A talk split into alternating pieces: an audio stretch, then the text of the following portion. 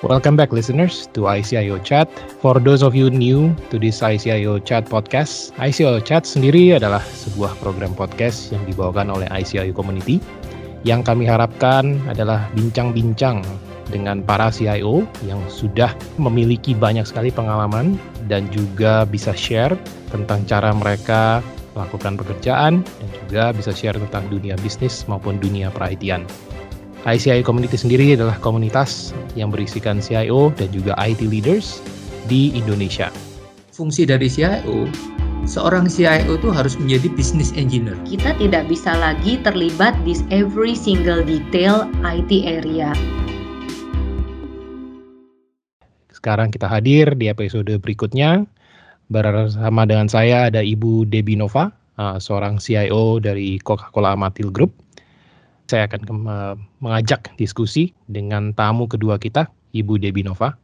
Hai Bu Debbie, how are you? Hai, hai Pak Diki, apa kabar? Baik Bu.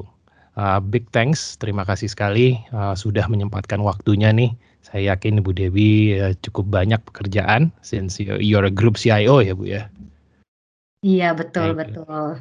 Okay. Ya nggak terlalu banyak lah disesuaikan aja diseimbangkan. Seimbangkan ya. Oke. Okay. Mungkin pertanyaan pertama saya gini, Bu. Uh, in your eyes ya, uh, di mata Ibu sendiri itu sebenarnya seorang CIO itu apa sih Bu? Uh, what is apa yang harus dilakukan oleh seorang CIO ataupun apa yang harus dimiliki oleh seorang CIO gitu? Oke, jadi uh, definisi dari CIO itu menurut saya evolve ya atau berkembang dari waktu ke waktu dari yang sebelumnya mungkin bisa disebut sebagai leader of technology operations, uh, namun sekarang menjadi technology orchestrator. Nah, kalau di masa kini uh, CIO itu memegang dua peranan atau biasa kita sebut double head, yaitu sebagai bagian dari bisnis eksekutif dan juga sebagai IT delivery eksekutif yang berarti ekspektasi terhadap CIO itu semakin meningkat. Jadi tidak terbatas pada manajemen IT saja, tapi juga untuk memberikan kontribusi lebih di dalam peranannya sebagai bisnis eksekutif untuk berpartner dengan peersnya yang lain, yaitu para CXO lainnya. Apalagi uh, dengan adanya era di era pandemik ini ya, uh, peranan CIO itu dibutuhkan untuk membantu perusahaan di dalam mencapai akselerasi digital business dan juga pada saat yang bersamaan memastikan enterprise resilience dan agility. Jadi uh, peranan CIO itu semakin berkembang uh, untuk mendukung remote working environment, tapi juga membantu bisnis di dalam membuat uh, enterprise digital workplace, menciptakan digital channel dan juga digital offerings. Cukup panjang ya Bu, kalau gitu ya kerjaannya ya kesannya. Jadi balik lagi ke question pertama saya. Uh, thank you sekali nih untuk uh, menyempatkan waktu karena uh, it's quite comprehensive the things that ya definisi CIO-nya gitu. Nah, kalau saya lihat Bu ya, uh, Ibu itu sorry saya udah ngintip LinkedIn-nya nih Bu. It seems uh, semenjak lulus dari S1-nya itu uh, you've been working in one company ya, which is Coca-Cola uh, Group, Coca-Cola Amatil Group. That's very interesting karena um, pastinya ibu sudah mengalami perjalanannya uh, mulai dari fresh grad sampai menjadi group chief information officer. Uh, perhaps bisa diceritakan sedikit Bu ketika masuk itu masuknya sebagai apa and then perjalanan karir Ibu sendiri sampai menjadi seorang grup CIO. Iya, jadi uh, saya itu mulai my professional career itu sekitar 25 tahun yang lalu uh, setelah saya lulus, kemudian saya bekerja uh, sebagai sistem implementer di Coca-Cola Amatil Indonesia, yang kemudian uh, secara bertahap memegang bagian-bagian berbeda di IT. Kemudian sampai tahun 2009 saya diangkat menjadi IT Director untuk Coca-Cola Amatil Indonesia dan juga sebagai bagian dari leadership timnya Indonesia. Terus uh, di tahun 2014 uh, eh, pada saat itu Coca-Cola Amatil Indonesia memulai transformasi bisnis secara besar-besaran. Uh, saya mengajukan diri untuk menjadi PMO lead in addition to my IT director role pada saat itu untuk membantu memfasilitasi perubahan-perubahan besar di bisnis uh, di antaranya di area route to market, supply chain, HR. Terus uh, di tahun sekitar tahun 2015 uh, saya dipercaya untuk memegang area HR di samping IT dan di situ saya juga jadi banyak belajar uh, dari sisi lain di samping sisi teknologi, information technology tapi juga dari sisi people and culture. Terus uh, di tahun 2018 uh, eh, saya uh, pindah ke grup ke Coca-Cola Amatil Group dan dipercaya menjadi grup CIO dan juga menjadi bagian dari grup leadership team dari Coca-Cola Amatil Limited yang uh, headquarternya berada di Sydney, Australia. Jadi emang betul uh, sepanjang karir saya itu uh, boleh dibilang saya hanya di satu perusahaan Uh, tapi saya cukup beruntung uh, dan saya bersyukur karenanya saya memiliki uh, manajer dan para bos-bos saya yang percaya dan juga berani untuk mengambil keputusan untuk uh, promote from within. Jadi pada saat ada peluang untuk uh, jenjang karir yang lebih tinggi, uh, saya bisa dapat kesempatan itu, termasuk juga uh, di dalam uh, pengambilan keputusan untuk mengappoint saya menjadi uh, memegang HR, contohnya di tahun 2015 tersebut, itu menurut saya uh, tanpa uh, dukungan dari para pemimpin di uh, Coca-Cola dan juga tanpa adanya para leaders yang berani untuk mengambil keputusan yang berbeda. Saya rasa talent-talent itu sulit untuk dapat kesempatan untuk berada di area yang baru atau um, mencapai jenjang tinggi, jenjang karir yang lebih tinggi lagi. Oke, okay. thank you Bu. Ini uh, yang menarik sebenarnya untuk saya. Uh, Ibu kan jadi waktu itu jadi Director of Human Resource and Information Technology. Now hmm. kalau uh, tamu-tamu kita yang sebelumnya itu kan Director of IT and Operations biasanya ya Bu ya. Ini HR, and I think uh, mungkin sangat jarang sebenarnya HR and Information Technology. Why? Tadi Ibu mention tentang people and culture, dan kita tahu bahwa sebenarnya Information Technology lebih sering disamakan dengan you know, mengatur mesin ataupun programming ya Bu yang sebenarnya kalau kita bayangkan mungkin matriksnya itu uh, sangat beda sisi ya dengan people dan culture.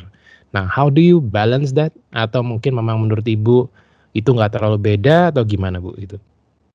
Iya, jadi uh, sekali lagi um, I was very fortunate karena saya mempunyai uh, atasan pada saat itu yang berani mengambil keputusan berbeda. Tapi sebetulnya ada background di mana pada saat uh, saya menjadi PMO lead, uh, in addition to my IT director role pada saat itu, uh, saya terlibat untuk uh, membantu memfasilitasi transformasi perusahaan. Nah, salah satunya transformasi di area HR, yang mana pada saat itu boleh dibilang seluruh proses-proses HR itu kita uh, review lagi dan kemudian kita re-engineer di mana uh, saya terlibat secara langsung di dalam perubahan-perubahan proses itu dan termasuk di dalamnya uh, beberapa implementasi sistem HR sehingga pada saat ada kesempatan uh, di area HR pada saat itu HR direkturnya uh, pindah ke bagian lain. Uh, para pemimpin di Coca-Cola Amatil melihat bahwa ada sinergi untuk membantu percepatan HR untuk uh, mencapai ke jenjang lebih lanjut lagi. Perlu juga ada digitalisasi sehingga melihat uh, menggabungkan HR dan IT di dalam uh, one leadership menjadi make sense gitu. Karena memang uh, untuk membantu Eh, proses-proses uh, people dan culture secara lebih uh, cepat dan juga lebih efektif diperlukan juga sistem dan suatu uh, digital transformation juga di dalamnya.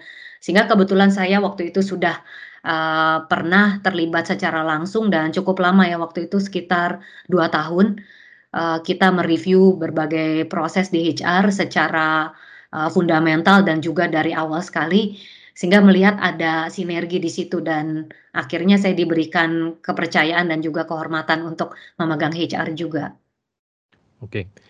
Nah, ini sebenarnya kalau di kita anggap misalnya karena di relationship atau sales management yang ada yang namanya high touch dan low touch ya. Dan mungkin kita bisa bandingkan kalau human resource uh, where you handle about people and culture itu lebih high touch, di mana kita harus memahami uh, the the the person, the human being side. Tapi kalau information technology, it's a lot of about automation, mungkin lebih ke arah low touch. Nah, balancing this, I'm I'm I'm guessing kenapa waktu itu digabungkan because ada kebutuhan di mana mungkin human resource-nya lebih di di speed up uh, digital transformation-nya itu sendiri. Nah, pastinya jadi kan memberikan automation towards the high touch um, area. Nah, apakah dengan penggabungan ini sebenarnya juga dari sisi IT-nya Ibu ya, kalau saya anggap mungkin ini uh, your IT side, apakah itu juga mendapatkan uh, benefit sehingga uh, high touch-nya ini uh, low low touch-nya ini automated ini lebih lebih bagus begitu high touch-nya. Dan kalau ada bagaimana Bu kira-kira impact-nya terhadap your IT side? Iya. Uh, boleh saya bilang ya pada saat itu karena uh, situasi masih tidak seperti sekarang ya, di mana di masa pandemi ini memang banyak hal yang kita harus pastikan bisa tetap berjalan proses-proses bisnis, tetapi banyak dilakukan secara online, secara virtual. Tapi terus terang di masa itu yaitu uh, sekitar tahun 2014, 2015 masih banyak uh, proses-proses implementasi IT kita itu memang cukup high touch. Jadi uh, contohnya di area desktop support, desktop services aja ya, yang paling uh, fundamental. Memang banyak user kita itu prefer untuk ketemu tim IT itu secara langsung gitu. Misalnya kalau hanya karena dia punya uh, komputer ada problem atau pada saat dia ingin meeting di dalam meeting room ada itu uh, IT equipment di dalam meeting room itu tidak jalan mereka itu memang uh, preference-nya para user-user kita itu ingin sekali ada uh, IT team gitu secara face to face gitu ya. Dan proses implementasi kita itu memang banyak sekali kita terlibat secara langsung uh, we send our people out in the market on the ground baik itu ke uh, pabrik baik itu ke logistics area baik itu di market sendiri di pasar gitu uh, memang cukup high touch sebenarnya proses-proses IT kita uh, back then ya. Uh, dan pada saat itu juga karena banyak sekali uh, digital transformation kita itu masih berfokuskan di area sales dan supply chain karena memang uh, dua hal itu merupakan garda depan kita ya core bisnis kita. Sehingga uh, memang area-area support function menjadi uh, agak di uh, less priority dan pada saat proses uh, transformasi bisnis yang tadi saya sebutkan di tahun 2014 itu kita mencoba balance di semua area bisnis, di semua fungsi kita lakukan secara bersamaan untuk ditransformasi dari mulai bisnis prosesnya dan juga implementasi sistemnya, information teknologinya. Nah, jadi uh, eh, HR area itu menjadi embrace uh, untuk melakukan perubahan secara besar proses-proses bisnis mereka dan juga cara-cara dari yang sebelumnya mungkin banyak yang sifatnya manual, uh, mengkonsolidasi report, data, itu masih banyak sekali manual dan pada saat kita lakukan transformasi ini dan kita uh, lakukan secara uh, berkesinambungan dengan IT implementation dan investment itu menjadi uh, dua bagian ini menjadi embrace. Jadi dari sisi HR mereka harus berani berubah proses yang sudah puluhan tahun dilakukan dan dari segi IT itu juga gimana kita mengimplementas mengimplementasikan sistem itu agak berbeda dengan di fungsi lain karena ada eh, data-data uh, yang sifatnya sangat sensitif, sangat confidential, bagaimana kita memastikan akses terhadap data dan sistem HR,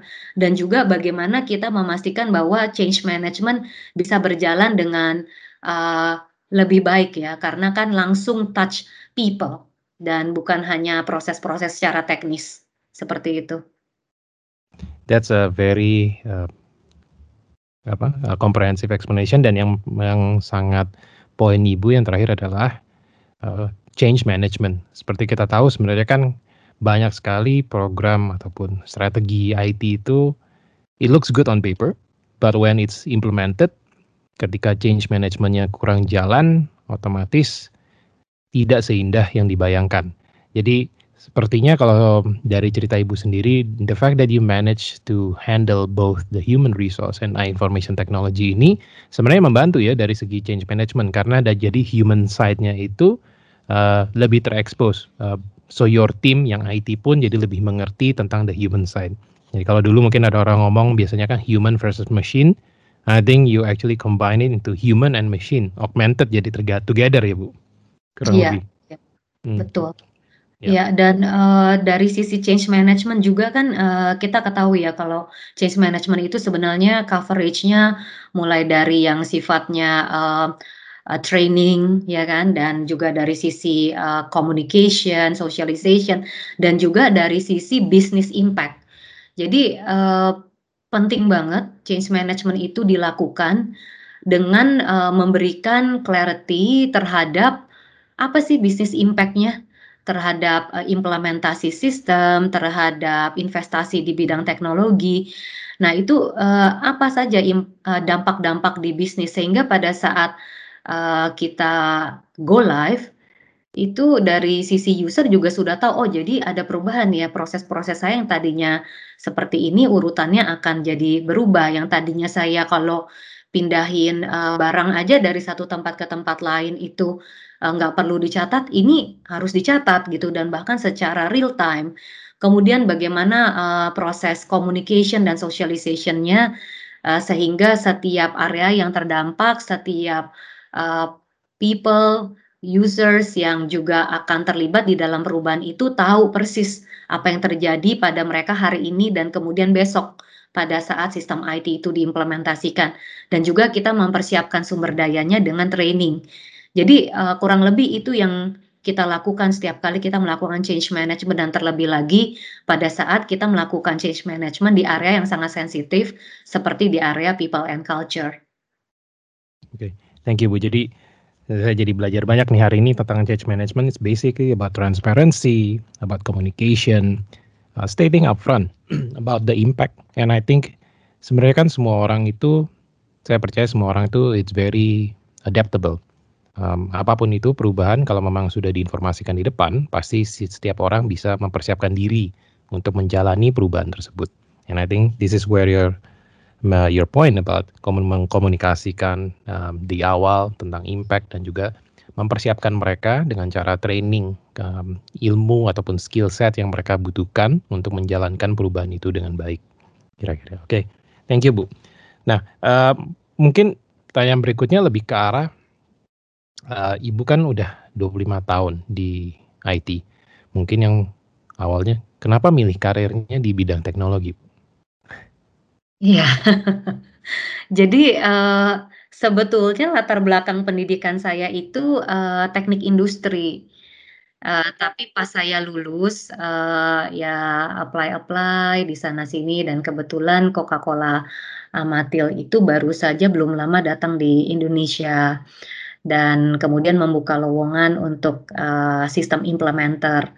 Jadi saya apply dan saya kemudian diterima. Saya menjadi salah satu sistem implementer di saat itu yang mengimplementasikan sistem sales dan distribution untuk Coca-Cola di Indonesia. Uh, dari situ saya belajar bahwa IT ternyata mempunyai banyak bagian uh, bukan hanya tentang coding, programming, tapi juga banyak di dalamnya seperti sistem application, ada infrastructure, dan juga ada software engineering itu sendiri ya. Dan saya melihat uh, alangkah menariknya uh, pada saat terjadi kombinasi antara teknologi dan juga proses-proses bisnis yang kebetulan uh, itu uh, di dalam role yang saya jalani saat itu sebagai sistem implementer yang kemudian sejalan dengan waktu berkembang menjadi uh, business system analyst. Nah, karena saya melihat uh, amat sangat menarik dan very logical kombinasi antara teknologi dan juga proses bisnis. Uh, jadi saya jadi senang dan saya enjoy berada di IT dan sejak itu jadi saya memutuskan untuk melanjutkan karir saya di uh, di IT. Iya dan biasanya kalau orang yang jurusannya teknik industri itu memang suka ngulik-ngulik proses bisnis ya Bu. Iya Mencari kebetulan efisiensi. Uh, fokusnya memang di situ dan pada saat kita uh, fokus di bisnis proses uh, pasti perlu bantuan dari segi sistem ya kan nah ya. jadi uh, kebetulan IT di Coca-Cola Amatil itu memang uh, mengintegrasikan di dalam fungsi IT itu juga uh, di beberapa role yaitu di role yang bisnis system analyst itu untuk fokus pada bisnis proses di dalam mengimplementasikan sistem. Oke. Okay. Nah, uh, mungkin karena kalau backgroundnya teknik industri, kalau yang di IT kan seperti ada ibu bilang kan di kalau software engineering mungkin banyaknya teknik komputer atau or the likes. Ada challenge tertentu nggak bu sebagai orang yang mungkin bukan majornya di computer science let's say ketika pertama apa di dunia IT itu? Uh, kebetulan proses belajar saya itu kan terjadi secara bertahap ya. Saya masuk dari level paling bawah sebagai sistem implementer, kemudian pelan-pelan naik jadi bisnis bisnis sistem analis, kemudian saya diserahkan tanggung jawab untuk uh, memanage uh, IT uh, solutions yang di area sales sampai akhirnya lebih besar lagi semua area sampai akhirnya jadi IT director tadi yang saya uh, sudah share. Uh, menurut saya sih uh, tantangannya adalah bagaimana kita bisa uh, memastikan kita memegang berbagai peranan uh, di, di level apa pun kita di dalam jenjang karir kita. Ada boleh dibilang itu ada empat area ya. Kalau menurut saya itu ada bagaimana kita bisa menjadi seorang kontributor uh, di dalam kita melakukan uh, diskusi, di dalam kita terlibat di dalam sebuah proyek, di dalam sebuah program, gimana kita bisa berkontribusi dan membawa uh, di mana area kita berasal, yaitu IT itu di dalam proses uh, diskusi maupun di dalam proyek atau program. Jadi bagaimana kita bisa berkontribusi dan supaya kita bisa berkontribusi tentu uh, banyak di belakang kita yang bisa kita uh, jadikan sebagai bantuan ya baik teman-teman yang ada di software engineering atau di architecture. Dan yang kedua uh, kita juga uh, memegang peran sebagai subject matter expert ataupun seperti konsultan uh, gitu ya walaupun even itu di internal bisnis kita sendiri di mana uh, dari uh, function yang bekerja sama dengan kita selalu melihat kepada kita sebagai subject matter expert di area information technology itu.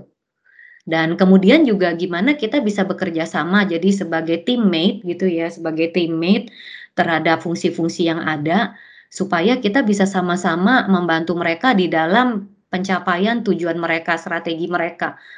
Uh, dan yang keempat adalah sebagai juga kita menempatkan diri kita juga sebagai bagian dari perusahaan secara keseluruhan. Jadi pada saat kita uh, memberikan solusi, pada saat kita uh, menjalankan tugas kita, walaupun bagian kita spesifik IT, tapi kita menempatkan diri kita itu sebagai bagian dari perusahaan. It's like this is my own business. Sehingga pada saat kita memberikan rekomendasi, pada saat kita mengambil keputusan, apakah itu sudah menempatkan bisnis itu yang utama, uh, put business first seperti itu. Jadi menurut saya sih tantangan itu bisa kita hadapi uh, pada saat kita betul-betul fokus di dalam menjalankan peranan kita itu uh, seperti yang tadi saya bilang jadi sebagai kontributor, sebagai juga subject matter expert, tapi juga sebagai uh, teman uh, bagian dari uh, tim, tapi juga memandang menjadi bagian yang lebih besar lagi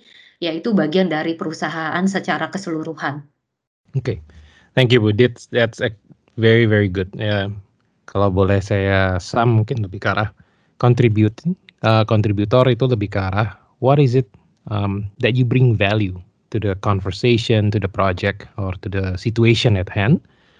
SME subject matter expert itu berdasarkan memang dari pengalaman maupun pendidikan ataupun uh, pelajaran yang sudah kita alami selama ini yang kita bisa masukkan lah ya apa uh, informasi lebihnya dan yang terakhir adalah part of something bigger itu yang interesting karena I think a lot of people uh, underappreciate the ability to work together um, and not just work together tapi untuk bisa melihat bahwa kita adalah bagian of something bigger. We're part of something bigger, bukan hanya dari tim, bukan hanya dari divisi, tapi juga dari perusahaan, di mana ada semacam sense of ownership. Nah, pertanyaan saya, apakah karena kalau saya lihat pasti kan ini guiding guiding principlesnya Bu Debi ya, dan I think this is why the you've managed to rise dari dari entry level sampai sekarang Anda berada di posisi yang paling atas di uh, perusahaan apa Ibu Dewi berada. Is that why Ibu uh, take on new challenge? Karena uh, earlier, uh, if I can, if I recall uh, diskusi kita, tadi Ibu bilang Ibu memang um, menawarkan diri untuk take on new challenges. Now itu ketika menawarkan diri itu apakah karena memang melihatnya, wah ini ada opportunity, I have to take it, atau memang karena based on your guiding principles that's just the natural organic way of you going about business. Ya menawarkan diri itu kadang-kadang uh, sebagai orang Indonesia itu kadang kita berpikir bahwa seakan-akan kita terlalu berani gitu ya. Uh, dan kalau sedikit lebih lagi, dan we're talking about gender gitu ya, diversity, sehingga um, seorang female gitu kebanyakan uh, not really being confident uh, untuk men, uh, menawarkan diri atau bahkan uh, mengangkat tangan gitu kalau ada opportunity ya. Tapi uh, kebetulan sekali lagi saya bilang uh, saya itu cukup uh, fortunate karena saya uh, berada di dalam environment yang sangat encourage dan juga value terhadap uh, bagaimana kita uh, ability, freedom to speak up gitu ya. Jadi uh, pada saat ada opportunity tersebut dan apabila kita melihat it's okay untuk kita bilang bahwa I think I can do it. Atau bahkan berpikir bahwa okay, I will uh, offer myself to solve uh, this situation because I think I have something to offer gitu. Nah itu yang terjadi di pada saat uh, saya menawarkan diri sebagai PMO lead. Karena pada saat itu baru saja proses transformasi bisnis terjadi tapi saya lihat kayaknya proses-prosesnya itu tidak terkoordinasi dengan baik dan saya pikir harusnya ini dilakukan dengan lebih terstruktur, lebih uh, terkoordinasi dan juga di track dan juga dilaporkan uh, dengan lebih clear gitu berdasarkan uh, tertentu dan target-target tertentu dan ada juga measurementnya. Sehingga saya tawarkan metode itu dan uh, atasan saya pada saat itu senang sekali dengan adanya itu dan saya saya ditantangin ya udah kamu tawarkan uh, metode itu kamu aja yang jalanin sekalian. Saya pikir oh why not? Oke okay, kita coba aja. Dan ternyata uh, it it gave value untuk uh, keseluruhan proses transformasi itu dan saya juga pada saat bersamaan jadinya belajar juga di area bisnis yang lain uh, bukan hanya di IT dan bahkan ada transformation proses yang kita nggak touch IT sistemnya sama sekali gitu dan it uh, gave uh, further value even um, kepada saya di dalam pengembangan saya gitu ya. Nah uh, sebetulnya dari sisi environment dan juga culture yang uh, membantu supaya proses-proses seperti itu uh, bisa terjadi di setiap uh, apa employee yang ada di perusahaan itu tidak terbatas uh, gendernya apa, backgroundnya apa, tapi juga kesempatannya diberikan seperti itu. Oke, okay.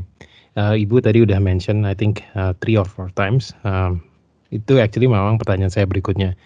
Ya, Ibu bilang bahwa Ibu is very fortunate to have uh, leaders, baik yang mungkin directly uh, supervising you or even higher, that always open to give the opportunity to anyone to try to do something or to deliver value. Um, having said that, sebenarnya kita tahu ya Bu, mungkin kalau di Indonesia banyak sekali orang yang malu-malu ya. Kembali lagi uh, dikasih kalau nggak didorong nggak jalan gitu. Nah, uh, mungkin ada advice gak untuk yang aspiring uh, team members? Apakah memang just do it or should they blindly take any challenge or atau um, harus lebih terbuka. Seperti kalau mungkinnya kalau saya pinjam filmnya Jim Carrey yang Yes Man gitu kan keep on saying yes. Atau atau memang uh, there is a way supaya kita bisa ngejudge lah opportunity mana yang kita mau uh, kita mau take on atau yang memang opportunity mana yang kita belum bisa uh, ambil. Tapi memang being mindful bahwa kebanyakan orang eh, memang tergantung sih ya kalau karakternya memang very confident, mungkin yang harusnya dia nggak bisa pun dia mau ambil. Tapi kalau yang karakternya which kalau saya lihat kebanyakan orang Indonesia adalah lebih uh, malu-malu di mana walaupun mereka memiliki kemampuan tersebut tidak berani mengambil kesempatan. Nah, how do you balance that, Bu, menurut Ibu? Iya, emang uh, tidak mudah ya karena setiap kali kita melihat ada sebuah kesempatan kita berpikir saatnya tidak tepat gitu. Uh, sering kali kita berpikir bahwa uh, ya saya mau lakukan itu kalau saya sudah A, B, C, D. Saya pikir saya bisa lakukan itu dan saya pikir saya akan mampu kalau misalkan saya udah dapat kesempatan ini dulu, saya belajar ini dulu, kalau saja saya mendapatkan kesempatan yang lain dulu gitu. Jadi memang uh, setiap kali ada opportunity itu kadang kita berpikir mungkin masalahnya lebih di waktu gitu ya. Uh, menurut saya sih uh, kita lihat mengenai uh, kebutuhan yang di uh, ada di dalam opportunity tersebut dan coba kita lihat analisa diri kita sendiri Apakah uh, kita pikir bahwa berbagai pengalaman dan juga uh, knowledge kita itu paling tidak bisa as a start. Lalu setelah itu kita belajar gitu. Nah, kalau kita pikir bahwa berdasarkan pengalaman dan kemampuan kita itu is good enough uh, as a start, as a starting point untuk di role tersebut dan kita melihat bahwa lingkungan kita kita ada support system yang baik untuk kita dapat terus belajar, uh, why not? Kenapa nggak mencoba itu? Gitu. Menurut saya sih seperti itu. Jadi uh, let's just analyze uh, about ourselves gitu. Apakah kita pikir kita ready nggak usah kepanjangan mikirnya nanti kalau udah di role ini nanti mesti begini, mesti begitu ya itu akan lebih baik lagi. Tapi as a start, you think that you can do it as a start, then you grow in the role, dan you learn uh, throughout the experience gitu. Uh, if you think you can do it, just give it a try. Jadi mungkin kalau kita bilang ada orang yang berpendapat I need to grow and learn, then I take on the role. Atau ada juga orang yang berpikir, I will grow and learn into the role. Mungkin kalau ini sebenarnya uh, balance, tapi of course jawaban gampang adalah balance ya. Tapi semua kalau saya boleh uh, sum up, Bu Debi lebih setuju adalah you will grow and learn into the role. Bukannya Betul. you have to have everything ya. Betul dan uh, Pak Diki, jadi uh, seorang CIO itu pasti pernah menjadi pertama kali di dalam karirnya sebagai CIO. Ya, seorang eksekutif pasti ada saatnya di mana dia itu pertama kalinya dia menjadi seorang eksekutif yang duduk di dalam ruangan satu meja dengan para eksekutif yang lain.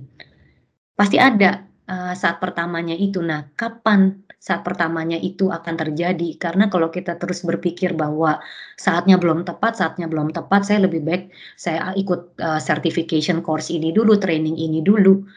Uh, mungkin saat pertamanya itu menjadi tertunda-tunda gitu. Pada saat kita sudah yakin dengan uh, punya bekal yang cukup, let's make a change. Thank you, Bu. Itu very inspiring. Basically, there's always a first time for everything. So might as well uh, kalau mungkin Marisa Mayer kan bilang fail fast tapi kalau saya lebih percaya uh, learn fast uh, learn faster ya so yeah. learn and grow itu your role oke okay. nah Bu sekarang uh, pertanyaan yang saya pengen tanya dari dahulu kala uh, saya CIO sih cuman satu nih Bu perusahaan dan itu aja mengatur waktunya aja udah luar biasa challenging nah Bu Debbie kan CIO of six countries Bu So how do you do that? How do you manage that? How do you juggle the responsibilities of handling six countries? Iya, jadi um, tentu saya berada di grup CIO level sebelumnya saya menjadi CIO di satu country, yaitu saya datangnya dari Indonesia sehingga saya sudah mempelajari menjadi CIO itu areanya apa ya belajar cukup uh, banyak dari sisi leadership, dari sisi people, management, dari sisi uh, stakeholder management, dan juga uh, dari sisi berada di dalam ruangan yang sama dengan uh, para CXO lainnya gitu ya. Uh, seperti itu. Nah, pada saat saya diberi uh, kepercayaan untuk step up menjadi grup CIO, di situ memang uh, tantangannya agak berbeda karena kita tidak bisa lagi terlibat di every single detail IT area. Tapi kita lebih banyak di, uh, diharapkan dan di-expect untuk fokus terhadap strategi. Nah, strategi apa yang akan kita jalankan dan apa yang akan kita berikan di dalam role tersebut. Uh, nomor satu, apa strategi perusahaan? Apa mandat yang diinginkan dari perusahaan terhadap IT team yang ada di dalam perusahaan tersebut yang memang kalau Coca-Cola Amatil terdiri dari enam country. Apa mandatnya? Kalau memang kita sudah clear mandatnya seperti apa dan juga uh, apa tujuan dan strategi perusahaan dalam short term maupun medium term dan even long term dan umumnya long term rada susah ya kebanyakan short term dan medium term maka kita kemudian melihat bahwa apakah IT yang ada di dalam uh, perusahaan ini di dalam berbagai uh, country yang berbeda-beda ini sudah sesuai belum untuk mencapai strategi perusahaan secara keseluruhan. Nah, yang saya uh, lakukan saat itu adalah menyelara, menyelaraskan agenda IT dengan uh, agenda perusahaan. Dan pada saat kita melihat agenda IT di setiap country itu memang challenge-nya PNL dari setiap country itu berbeda-beda. Uh, kalau kita bilang saya mau standarisasi uh, semua sistem IT di satu grup ini dan ternyata tidak semua country yang ada di dalam grup ini can afford karena mungkin uh, kalau kita pilih solusi world class number one solution yang ada di dunia uh, negara yang lebih kecil size-nya mungkin tidak mampu. Padahal kita pikir kalau kita sama selaraskan semua kan lebih mudah ya karena sistemnya satu. Kalau mau mengadakan perubahan dan juga kontrol itu akan lebih mudah dan juga dari sisi sumber daya jadi bisa uh, sama skill setnya kita gampang nggak tergantung hanya dari satu country dan ternyata tidak mudah seperti itu sehingga uh, what I did akhirnya kita melihat ada uh, dua tier. Jadi tier satu yaitu country yang lebih besar uh, dalam hal ini Australia, New Zealand, Indonesia. Dan yang kedua tier 2 itu yang lebih kecil dalam hal ini Papua Nugini dan Fiji. Nah di situ kita terapkan bahwa uh, proses uh, dan strategi IT-nya itu platform-platformnya disesuaikan dengan size dan juga PNL dari uh, tier 1 dan tier 2 itu. Tapi di masing-masing tier kita samakan, kita standarkan sehingga perbedaannya tidak menjadi terlalu banyak. Okay, Kurang lebih seperti itu Pak Diki. Adapting to the situation on the ground juga ya Bu, begitu ya. Oke. Okay. And I'm sure uh, in every countries you have basically team or sub uh, your leaders that you can trust um, to execute on your vision juga. Betul, memang at the end, the higher you are in the, uh, you know, in the corporate ladder, uh, menjadi kebanyakan uh, fokusnya pada people management ya, selain strategi. Nah, once you have uh, people that are aligned gitu ya, dan juga believe in the uh, strategy, believe in the vision, itu memang lebih mudah dan lebih cepat untuk memobilisasi uh, perubahan-perubahan yang ingin kita terapkan di dalam perusahaan tersebut. Ya, ada ada satu artikel saya baca belum lama Bu, saya lupa dari publikasi mana. But basically uh, seperti yang Ibu bilang sih, banyak orang itu kita naik di your career path, your career rank itu based on your technical skill, ya kan atau delivery. Tapi you will reach a certain point di mana your technical skill is no longer needed. In fact, technical skill tim kita mungkin jauh lebih baik dibandingkan kita. And then you are actually switching because you become a leader. di mana memang challenge dari banyak perusahaan sekarang adalah leadersnya atau orang yang ditempatkan di leadership position itu naik berdasarkan technical skill, namun ketika tiba belum memiliki leadership skill uh, ataupun people management yang tadi ibu bilang. Now, pertanyaan saya, apakah ibu memang menyadari ini because of your exposure to human resource or when did you realize bahwa ada transisi nih, mulai antara technical towards lebih ke arah people management? Saya rasa itu kombinasi semua ya, dari saat saya awal karir sampai, uh, saya diberi kepercayaan di berbagai area yang berbeda. Karena, uh, number one is about business and IT alignment, dan jadi bagaimana, uh, IT itu connect dengan bisnis dan juga fokus on the value. Jadi kebetulan value yang kita berikan melalui, uh, teknologi sebagai enabler-nya. Tapi tidak mungkin teknologi itu bisa berdiri sendiri dan hanya mempunyai agenda tersendiri sehingga at the end uh, kita perlu mengalainkan dan juga sinergi dengan bisnis strateginya itu. Dan di dalamnya tentu jadi terlibat proses bisnis, people, culture, seperti itu. Ya, sepertinya ini tie to your apa prinsipal nomor empat ya Bu, that you are part of something bigger on the company level ya. Jadi ada alignment lah seperti itu. Iya. Yeah. Oke, okay, ya. Oke, okay, mungkin uh, cukup berat pertanyaan-pertanyaannya sampai saat ini, tapi mungkin sekarang yang lebih relax.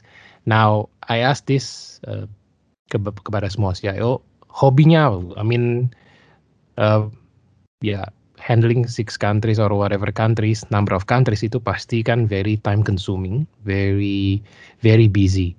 So how do you keep your sanity in check? What do you do um, when you have or if you have downtime? Ya, iya betul. to keep me sane. So uh, saya senang sekali untuk uh, olahraga lari ya.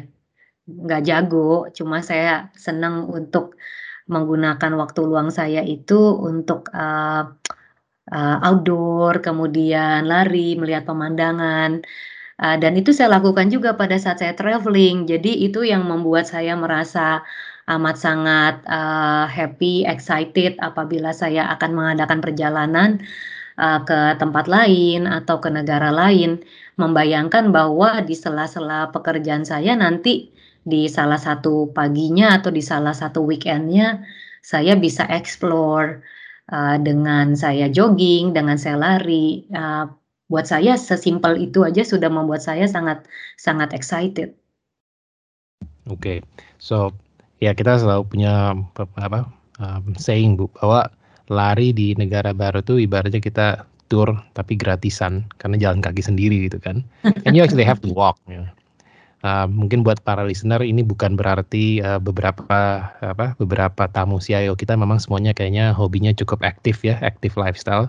Bukan berarti uh, harus aktif lifestyle untuk jadi CIO ini, tapi lebih ke arah I think it's what keep us sane. Um, karena at the end of the day you need all the energy you can get and taking care of your physical uh, state is one way to make sure that you have all the energy that you need. Now, uh, last question Ibu. If you can send a message uh, to your younger version, what would you tell her? Tell them, tell her, tell them.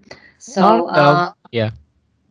Mungkin buat di apa ibu versi dahulu kala ataupun juga dengan untuk uh, listener kita yang mungkin aspiring CIOs. Iya iya, untuk, uh, para, uh, eh, IT talents yang saat ini sedang me melanjutkan jenjang karirnya ke karir yang berikutnya, menurut saya, uh, memang, uh, pada saat ini, um, banyak sekali peluang dengan banyaknya perusahaan-perusahaan melakukan proses, uh, digital transformation, dan ini menjadi semakin cepat karena adanya pandemi ini sehingga akselerasi di mana-mana sehingga peluang itu banyak sekali dan semakin terbuka luas. Intinya adalah memahami diri sendiri kekuatan kita itu dan talent kita itu di area yang mana. Karena uh, pada 25 tahun yang lalu saya memulai karir saya, IT aja sudah ada bagian-bagian yang berbeda-beda dan kita tidak perlu uh, berusaha menjadi mastery di semua bagian itu. Apalagi sekarang dengan adanya digitalisasi, uh, peluangnya itu yang menggunakan IT sebagai basis uh, information technology sebagai uh, basisnya itu menjadi lebih besar lagi. Sehingga uh, coba kenali diri sendiri, pahami uh, apa yang menjadi passion, apa yang menjadi uh, talent dan kemampuan yang dimiliki dan coba fokus di situ supaya bisa menjadi uh, talent yang uh, being distinctive atau uh, berbeda dengan talent-talent uh, yang lain sehingga pada saat mereka uh, perusahaan-perusahaan maupun uh, berbagai macam organisasi ada kebutuhan mereka akan melihat uh, Anda sebagai orang yang dipilih because you make it different uh, compared to other talents. Itu saran saya untuk para uh, IT talents yang sedang menjalankan jenjang karirnya. Uh, kalau sebagai my fellow CIO, um, saya sebetulnya nggak uh, bisa kasih saran ya karena saya itu setiap hari pun masih belajar. Jadi menurut saya sih no matter what kita ada di level apa pun setiap hari kita pasti akan belajar hal yang baru supaya kita tidak tertinggal. Baik itu dari para junior kita, baik itu dari eksternal, dari bisnis partner kita, dari teknologi partners kita, dari acara-acara seperti webinar, uh, seperti acara yang di uh, dilakukan di ICIO community, uh, sehingga saran saya you keep on learning, you keep on uh, building your network. Uh, dan continue filling in your your brain continue uh, making your day uh, sehingga every day is a new day uh, for us being CIO supaya kita selalu mendapatkan ide-ide uh, baru, ide-ide refresh karena kita juga senantiasa membiarkan diri kita itu selalu terbuka terhadap adanya informasi di sekeliling kita. Thank you Bu Debbie for your input. Uh, demikian listeners ICIO Chat. That was uh, diskusi saya dengan Bu Debi. Mungkin kalau sekilas seperti yang sudah didengarkan, pastinya pesan dari Bu Debi satu, kenalilah diri kita sendiri. Karena dengan kita mengenali diri kita sendiri, kita jadi tahu apa kekuatan ataupun mungkin kekurangan dari diri kita masing-masing. Kedua, walaupun Bu Debi juga sangat sering mengkredit uh, betapa beruntungnya beliau memiliki leadership yang mendukung maupun memberikan opportunity. Tapi saya yakin ini sebenarnya lebih ke arah uh, dari Bu Debi sendiri yang berani untuk mengambil langkah, mengambil kesempatan untuk membuktikan dirinya ketika dihadapi oleh uh, opportunity yang ada. Uh, sometimes kalau memang kitanya sendiri tidak open terhadap opportunity, maka kesempatan itu tidak akan muncul. Dan tentunya yang paling penting adalah her guiding principles, di mana satu, pastikan kita selalu memiliki peran sebagai kontributor, bagaimana kita bisa membawa value terhadap diskusi, terhadap program kerja, dan ataupun project yang sedang kita lakukan. Kedua, bagaimana kita bisa menjadi subject matter expert dari hal yang memang kita lakukan, which is uh, bersinambungan dengan mengenali diri kita sendiri. Dan ketiga dan keempat tentunya adalah selalu ingat bahwa kita adalah bagian dari sesuatu yang lebih besar. Itu apakah bagian dari tim, project team, bagian dari divisi, ataupun bagian dari departemen. Dan yang terakhir tentunya adalah bagian dari perusahaan tempat kita bekerja saat ini. Dan closing pesannya adalah keep on learning, keep on growing, because sometimes you just have to learn and grow into your next opportunity. Thank you, Bu Dewi, sekali lagi. Uh, Terima kasih, Pak Diki. Sama-sama, Bu. And demikian, uh, listeners, sampai berjumpa di episode berikutnya. Terima kasih.